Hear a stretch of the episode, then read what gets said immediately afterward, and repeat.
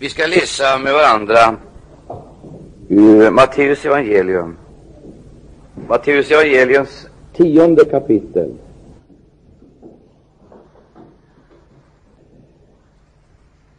Och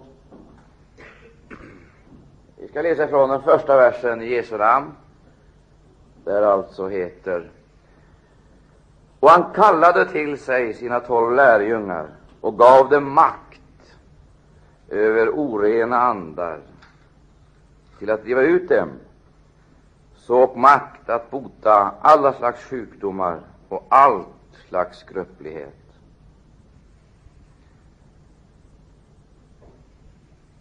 Dessa tolv, från femte versen, dessa tolv sände Jesus ut, och han bjöd dem och sade, ställen icke är det färd till hedningarna och gå icke in i någon samaritisk stad, utan gå hellre till de förlorade fåren av Israels hus. Och därifrån fram skulle ni predika och säga himmelriket är nära. Boten sjuka, uppväcken döda, gör en spetälska rena, driven ut onda andar, i haven fått för intet, så given och för intet. Skaffen eder icke guld eller silver eller koppar i edra bälten, icke någon ränsel för det färda heller dubbla livklädnader, ej heller skor eller stav, ty arbetaren är värd sin lön. Men när de har kommit in i någon stad eller by, så utforsken vilken där inne som är värdig, och stannen så hos honom till dess i lämnen den orten. Och när de kommer in i ett hus, så hälsen det. Om, det, om då det huset är värdigt, så må den frid i tillönskande komma däröver, men om det icke är värdigt, då må den frid tillönskande vända tillbaka till eder. Och om man på något ställe icke tager emot eder och icke hör på edra ord, så gå ut ur det huset eller den staden och skudden stoftet av edra fötter. Sannerligen säger jag eder, för Sodoms och Gomorras land skall det på domens dag bli drägligare än för den staden. Se, jag sänder eder och stad såsom får mitt in ibland ulvar, vare för den skull kloka såsom ormar och menlösa såsom duvor. Tagen är det tillvara för människorna. Det, det skola draga eder inför domstolar och i sina synagogor skola de gissla eder. Och de skolan föras fram också inför landshövdingar och konungar för min skull, till ett vittnesbörd för dem och för hedningarna. Men när man drager eder inför rätta, gören eder då icke bekymmer för hur eder, för huru, eller vad i skolan tala, till vad i skolan tala skall bliva eder givet i den stunden. Det är icke i som skolan tala, utan det är eder faders ande som skall tala i eder. Och den ene brodern skall då överlämna den andra till att dödas. Ja, och fadern sitt barn, och barn skulle sätta sig upp mot sina föräldrar och skulle döda dem. Och vi skulle bli, och vi skulle bli hatade av alla för mitt namns skull, men den som är ståndaktig intill änden, han skall bliva frälst.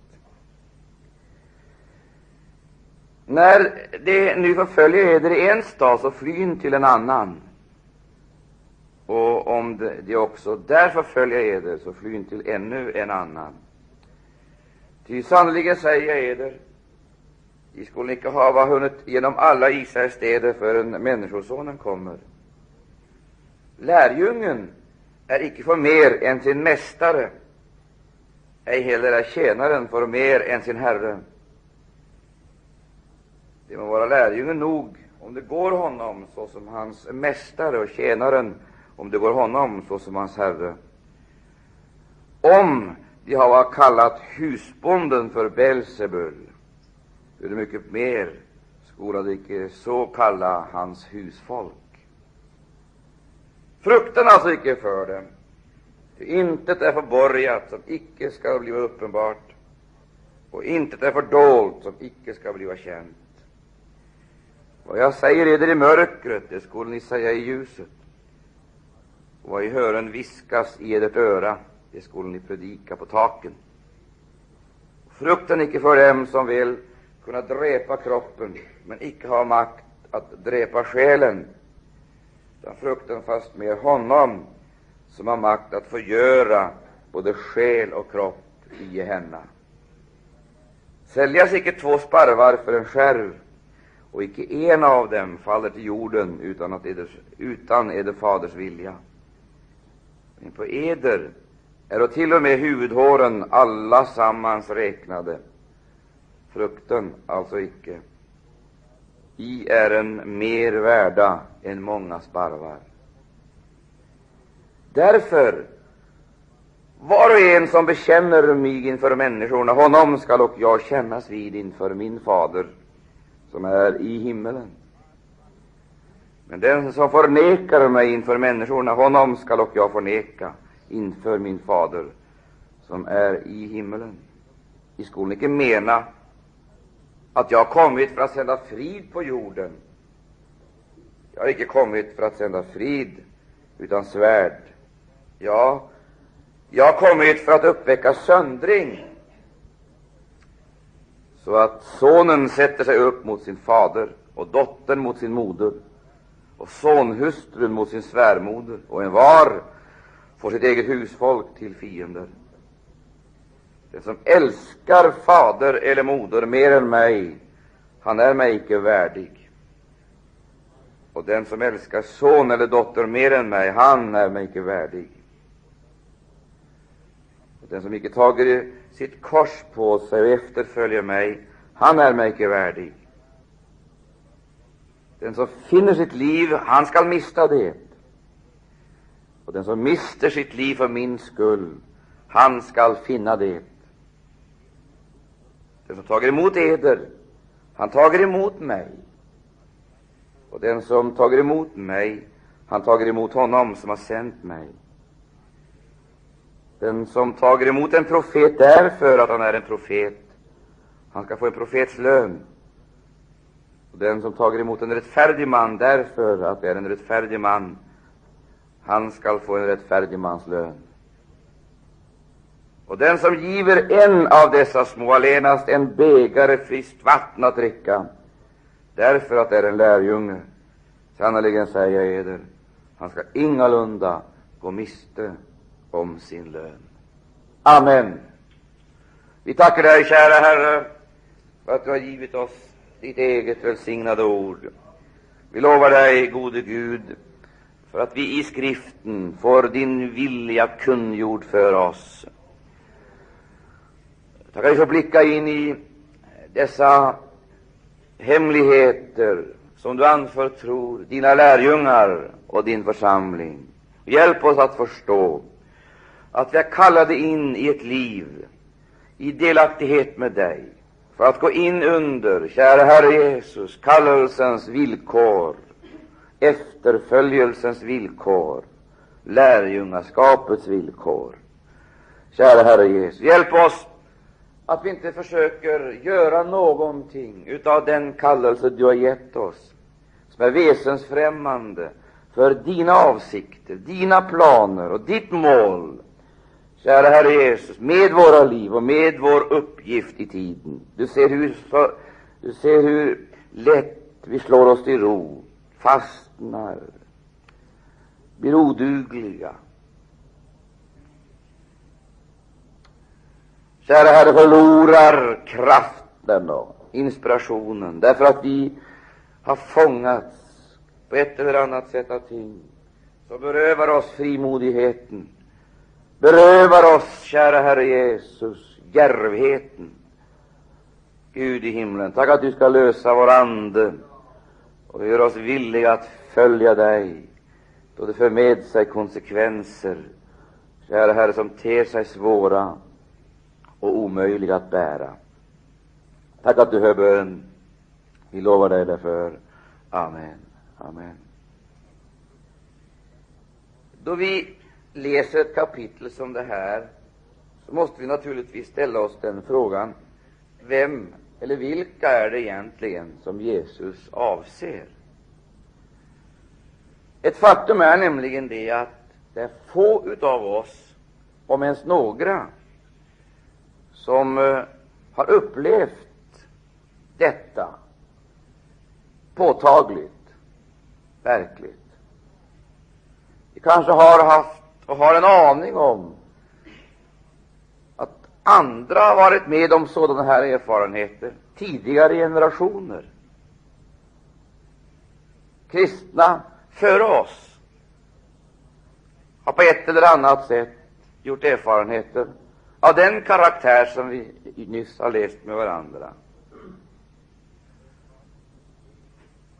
Vi känner inte igen oss riktigt i texten. Allting ter sig så annorlunda.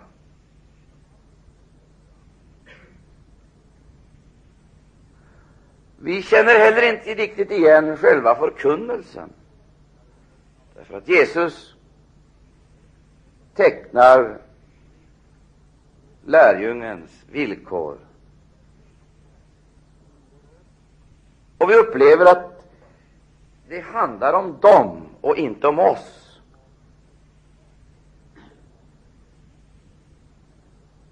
är tidsbestämt. Gäller det en generation eller några generationer?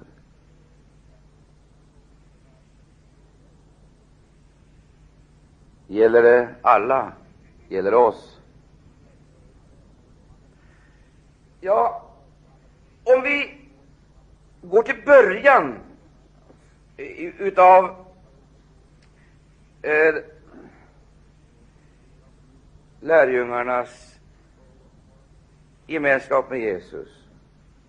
Själva begynnelsedagen och ögonblicket så brukar vi åtminstone ifrån den händelsen hämta en text och påminna varandra om vad Jesus egentligen sa till sina första lärjungar.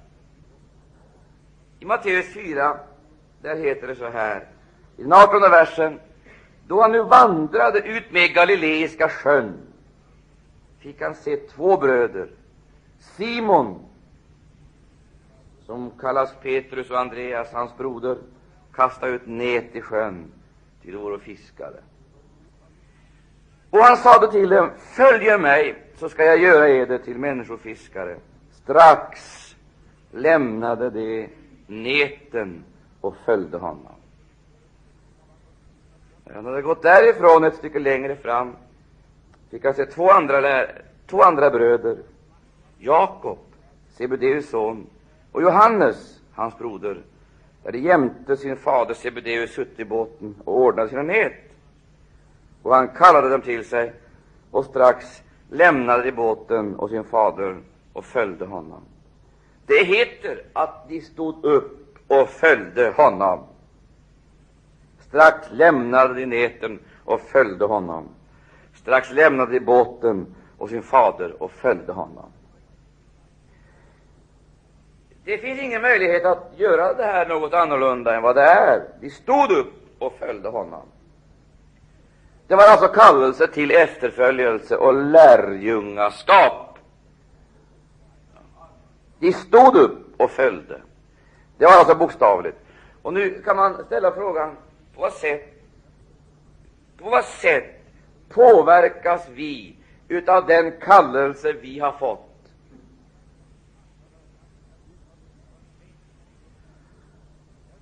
Det som var bokstavligt för lärjungarna är det symboliskt för oss. Så att eh, när vi liksom talar om efterföljelse så ligger det mera på det rent symboliska planet. Vi har också fått en kallelse till efterföljelse, men det förefaller vara så som om konsekvenserna av den kallelsen skulle vara annorlunda för oss än det var för de första lärjungarna. Har vi gjort om Jesu ord? Omvandlat det, förvanskat det, gjort det lättare för oss, bekvämare för oss? Vi svarar ja på hans kallelse, men stannar kvar i våra positioner.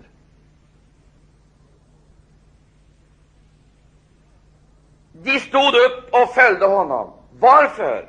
Jo, det var frågan om att avskilja sig ifrån någonting och avskilja sig för någonting. De måste lösas från sina nät, ifrån sina farkoster och ifrån sina föräldrar.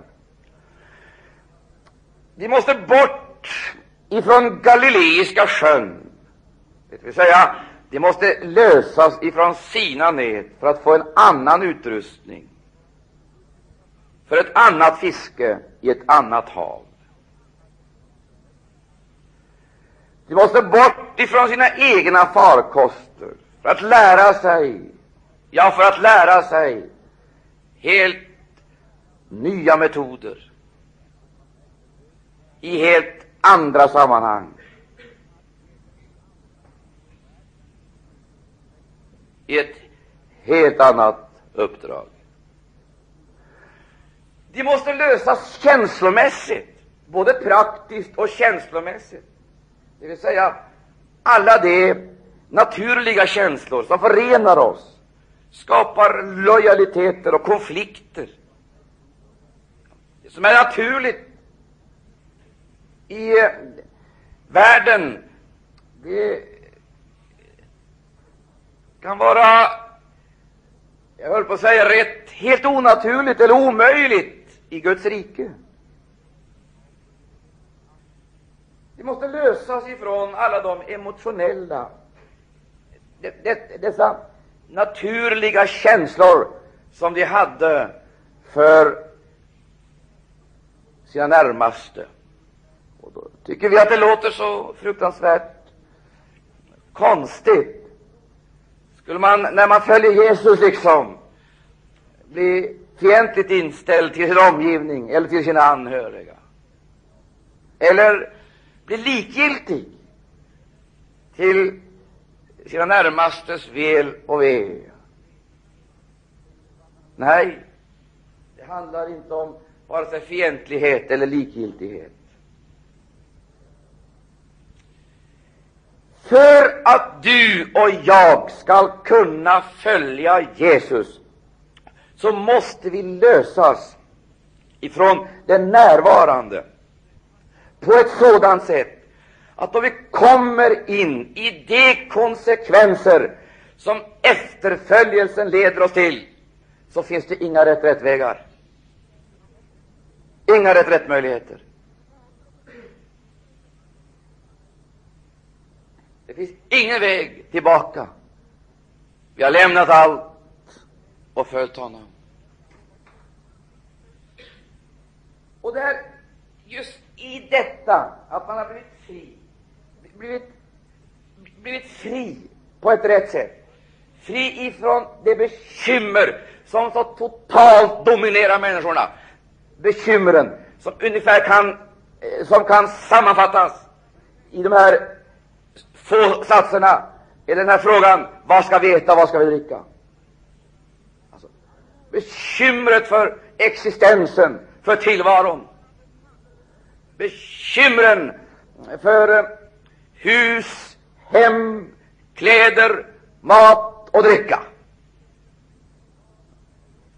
Vi måste bli befriade från detta på ett sådant sätt att vi kan följa Jesus. Ty om vi icke upplever den befrielsen inifrån, och den blir verkligt konkret, så kommer vi aldrig vidare på trons väg.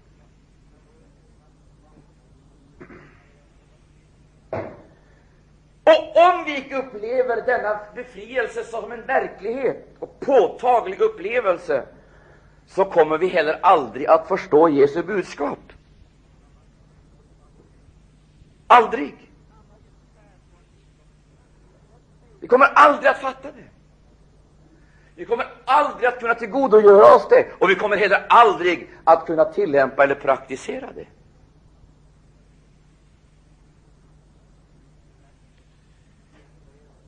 Då man har upplevt den här befrielsen, så att man har blivit avskild, följt honom, så upplever man verkligen att man behöver kunskap. Och det finns mycket, det finns mycket i Jesu egen verksamhet. Det finns mycket i Jesu verksamhet som pekar på att vi är i trängande behov utav kunskap. Han gick omkring, han gjorde väl, han hjälpte alla, han undervisade alla. På samma gång som han, upp, som han utförde detta gudomliga uppdrag, på samma gång blev det också klart för lärjungarna vilken fruktansvärd situation de själva befann sig i. Begränsade, kraftlösa, kunskapslösa och så vidare. De såg hur Jesus verkade, de såg hur han undervisade, de såg hur människorna tog emot hans ord och stod praktiskt taget själva helt vapenlösa. Men då de hade fått en liten inblick, en liten, en, en, en liten upplevelse, en vision, eller eh, då de hade mött detta, sett detta och upplevt detta, då tar Jesus dem åt sidan för att undervisa. Och det första som sker, det är att han ger dem bergspredikan. Bergspredikan den kommer alltså inte i slutet av lärjungaskolan, den kommer i början.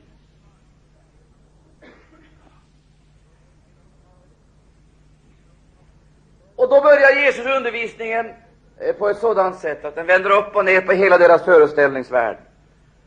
Hos Jesus, hos Jesus, där är det andra värden som betyder någonting än de som de tidigare så att säga har varit ankrade vid, eller förankrade vid. Jesus talar på ett helt annat sätt än det de tidigare någon gång hade hört.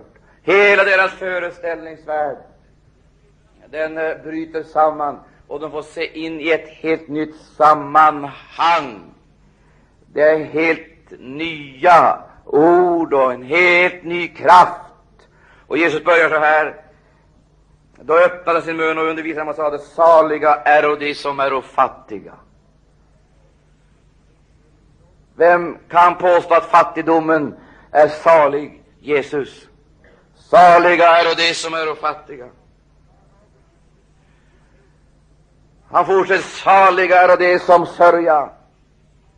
Vem kan påstå att sorgen är salig? Jesus. Saliga är de som är saktmodiga. Det var någonting helt nytt. De starkaste i världen är verkligen inte de som är saktmodiga. De starkaste i världen, det är maktmedvetna, viljestarka, många gånger hetlevrade hetsporrar, vilda. Men Jesus, han eh, leder in helt nya dimensioner i livet, och så säger saliga är de saktmodiga. Saliga är de som hungrar och törstar. Det var också någonting nytt. Hunger och törst är en förbannelse, men här säger Jesus saliga är de som hungrar och törstar. Saliga är de barmhärtiga. Saliga är de renhjärtade. Saliga är de fridsamma. Saliga är de som lider förföljelse men det är ju mot allt sådant som vi vill gardera oss. Vi vill ju skapa en värld av fullständig trygghet, en värld befriad ifrån sorg, en värld befriad ifrån smärta och lidande. Men nu kommer Jesus och säger att saliga är de fattiga. Det är ju fattigdomen vi vill bygga bort.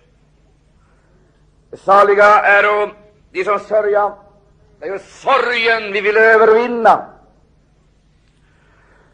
komma till rätta med.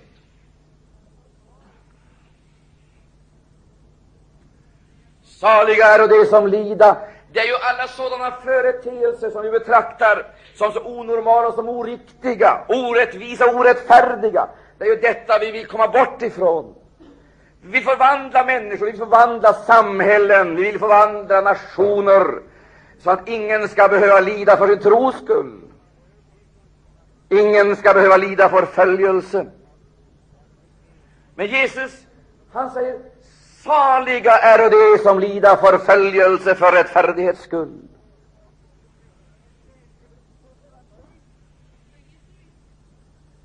Vad vill Jesus göra? Jo, han vill föra in evighetsdimensionen i vårt liv, så att inte det bara blir en aning. Eller en, eh, en tanke, en stämning, utan det blir en verklighet. Konkret och påtaglig, så att vi verkligt så att säga lever i två världar. Vi är visserligen här, men vi har vårt hjärta där. Vi möter ting som ter sig som människofientliga, som ter sig som farofyllda och, och onda. Men till och med allt det onda, allt det problematiska och svåra, det förvandlas.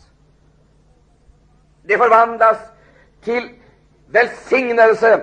Kan du tänka dig att det som ser ut som en förbannelse för människor i världen, det förvandlar Gud till en välsignelse för sitt folk? Och vi har upplevt mycket av Guds välsignelse i ting som jag var rädd för att möta, i förhållanden som jag ängslades för. Och så rätt vad det var, så var man där och när man kom dit, till den punkten, till den platsen, till den upplevelsen, så upplevde man att just där fick man en ny erfarenhet av Jesus Kristus. Min vän, det finns en, det finns en fattigdom som är fysisk. Man kan vara fattig på materiella eh, tillgångar. Vi kan uppleva det som vedervärdigt vi kan leva trångt. Det är besvärligt. Jag vill inte rekommendera någon denna fattigdom, men här rekommenderar Jesus saliga är de fattiga i anden, ty de hör himmelriket till. Och jag skulle, jag skulle vilja uppehålla mig just den här, den här, den här märkliga satsen. Saliga är de fattiga fattiga i anden. Och så skulle jag vilja ställa frågan, vad kan det vara att vara fattig i anden? Ja, vad fattigdom är, det vet vi väl. Det betyder väl att, det, att man inte äger någonting.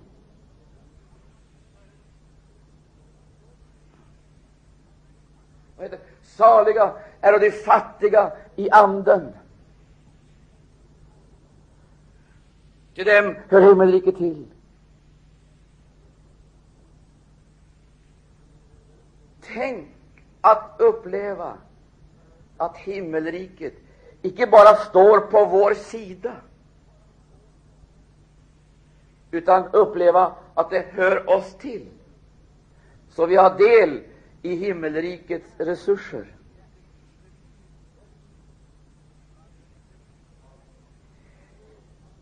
Så är man då, så är man då både fattig och rik på en och samma gång. När upplever vi Guds riket mest påtagligt? Är det de gånger vi känner oss starka säkra och trygga? Är det det? Vi upplever Guds riket mest påtagligt de gånger då vi känner oss mest hjälplösa, mest utlämnade, mest utsatta. Då upplever vi Guds riket mest påtagligt. Är det inte så?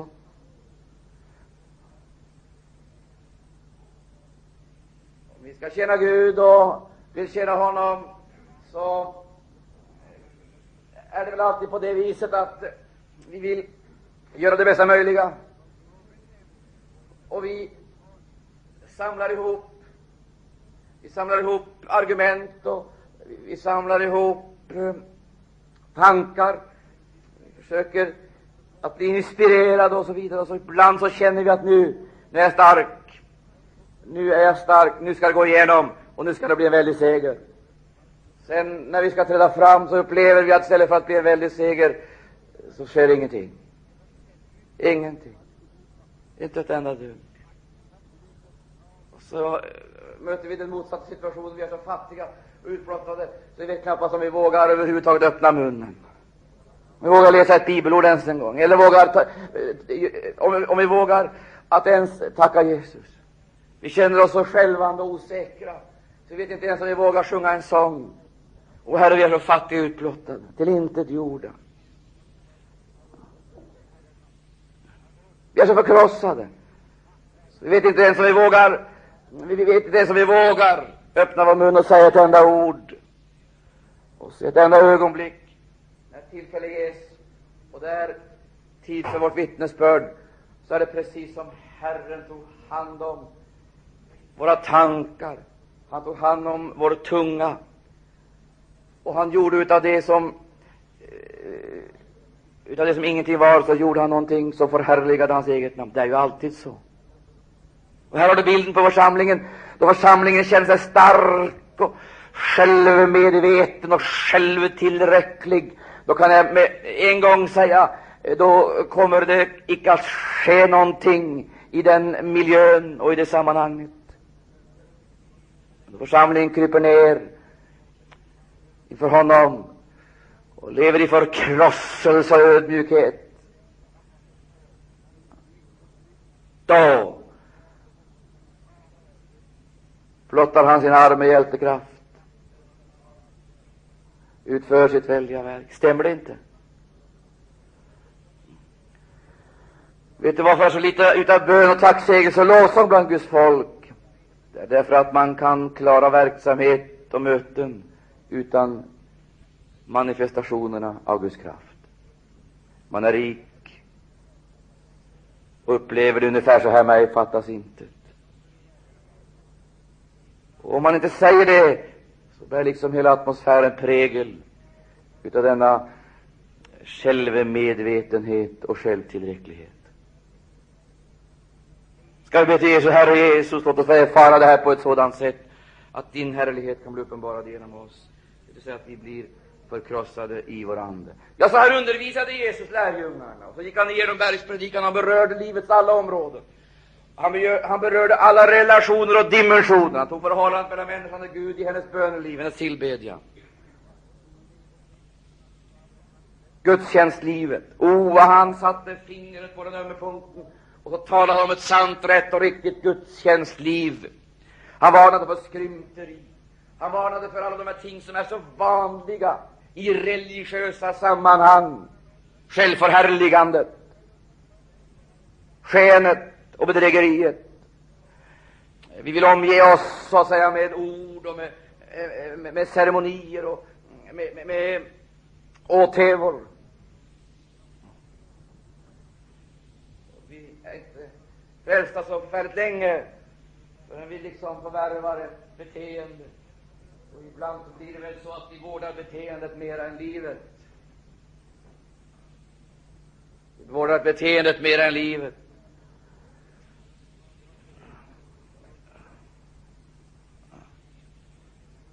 Men Jesus varnar att inte försöka att vinna människors uppmärksamhet med sin fromhet.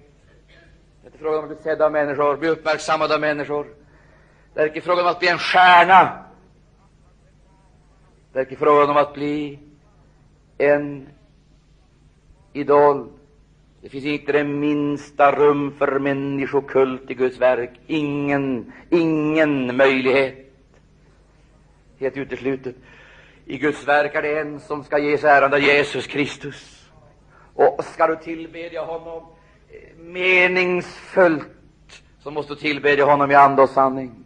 Och det är inte frågan om här måste Jesus lära lärjungar det här.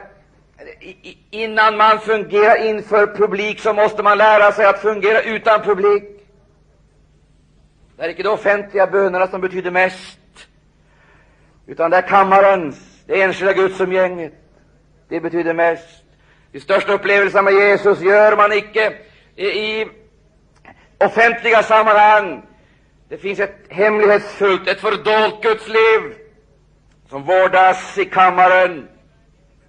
Du, lägg märke till, det är frågan om att bli sedd. Men av vem ska man bli sedd? Det är frågan om att bli sedd av människor eller sedd av Gud. Uppmärksammad av människor eller hörd av Gud. Därför heter det så här. Han varnar för de många orden. Han var, varnar för att liksom genom sin fromhet eller sina andaktsutövningar eller någonting sådant tilldra sig uppmärksamheten. Uppmärksamheten till oss, till kulten. Det handlar aldrig om att dra uppmärksamheten till oss, och icke ens till vår kult, icke ens till vår mötesverksamhet och vårt mötesliv, utan det är frågan om, det är frågan om någonting, om någonting helt annat. Det heter Gå in i din kammare, stäng igen din dörr. Och här har du det igen, det strider ju också emot så att säga vår fåfängliga natur. För vi, för vi vill ju till varje pris bli uppmärksammade. Vi vill ju att människor ska se oss. Framför allt så vill vi att de ska notera hur gudfruktiga vi är.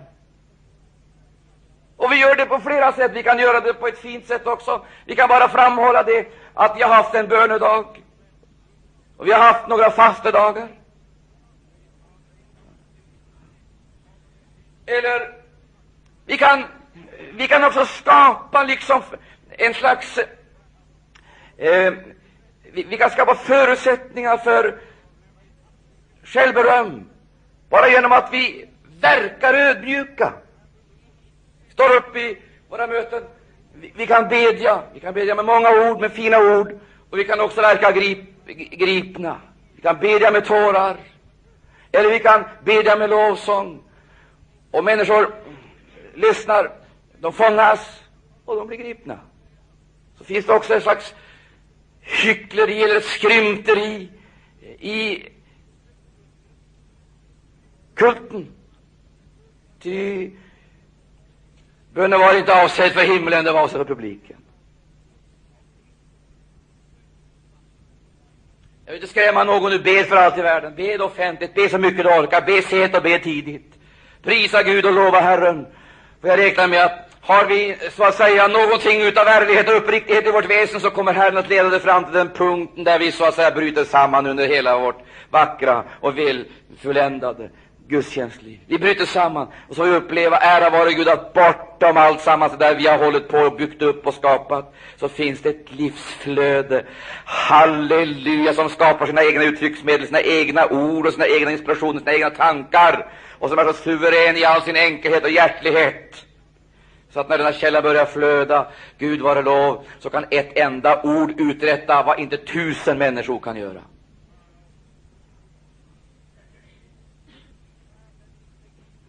Halleluja.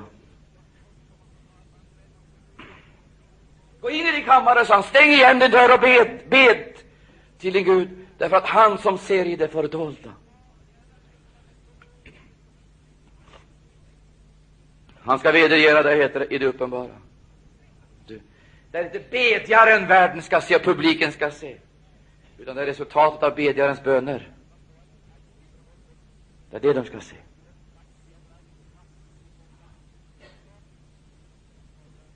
Gud hör bön. Gud hör bön. Gud vet vad som äger rum i kammaren då ingen applåderar eller belackar, då ingen inspirerar eller anklagar. Gud vet vad som sker. Halleluja, gå in i din kammare, bed. Stäng dörren, bed. Gud som ser det fördolda, han ska vedergälla dig det uppenbara. Åh, det finns ett kammarens gudstjänstliv som är oåtkomligt för alla mänskliga ögon, men som Herren ser. Herren ser. Och Jesus håller på och undervisar på det här viset. Han berör gudstjänstlivet, han berör förhållandet till de materiella tingen. Och då kommer vi in på det här området. Det förefaller mig vara på det här sättet att vi lyssnar på Jesu ord då det gäller gudstjänstlivet, andaktsutövningen och kulthandlingarna. Då, då lyssnar vi på Jesu ord. Men så kommer vi in på ett område där vi liksom stänger Jesus utanför. Det gäller de materiella tingen. Det kommer inte med.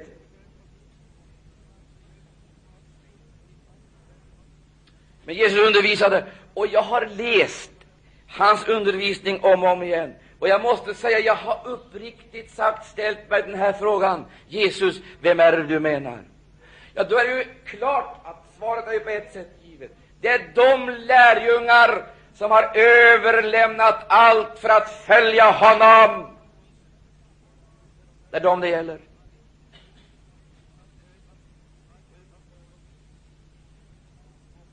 Och han säger så här. Jag måste läsa det. Han säger Samla neder icke skatter på jorden, där mått och mal förstöra och där tjuvar bryta sig in och stjäla, utan samla neder skatter i himmelen, där mått och mal icke förstöra, där ingen tjuvar bryta sig in för att stjäla. Mina vänner, vi är allesammans samlare. Vi samlar. Dagligen så samlar vi. Men det är frågan om var vi samlar. Om vi samlar på jorden eller i himlen. Vi samlar, vi drar ihop, det vill säga, du, din tid förvandlas till en skatt. Din kroppskraft förvandlas till en skatt. Och dina resurser materiella resurser, de formeras vanligtvis till en skatt. Det är frågan om här är det frågan om i vilken tjänst jag själv, det vi har och det vi representerar, står. Och jag, jag, jag måste säga, det finns inget område som jag har mött så mycket utav som av, så mycket av gensägelser och protester som just på det här området. Det heter klart och tydligt i skriften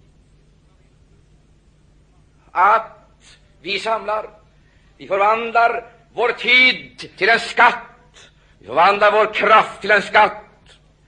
Vi kan förvandla det i, vi kan förvandla det i klingande valuta och få in det på en bank. Vi kan förmera våra materiella resurser. Men det är ingen utav oss, observera vad jag säger, det är ingen utav oss som står oberörd utav det man har samlat. Det har blivit en skatt som icke bara finns där i sinnevärlden, utan det finns där också i vårt hjärta. I vårt hjärta. Det vill säga, har vi egodelar av en eller annan slag, av ett eller annat slag, så kommer dessa egodelar på ett eller annat sätt påverka oss, och icke minst vår religion.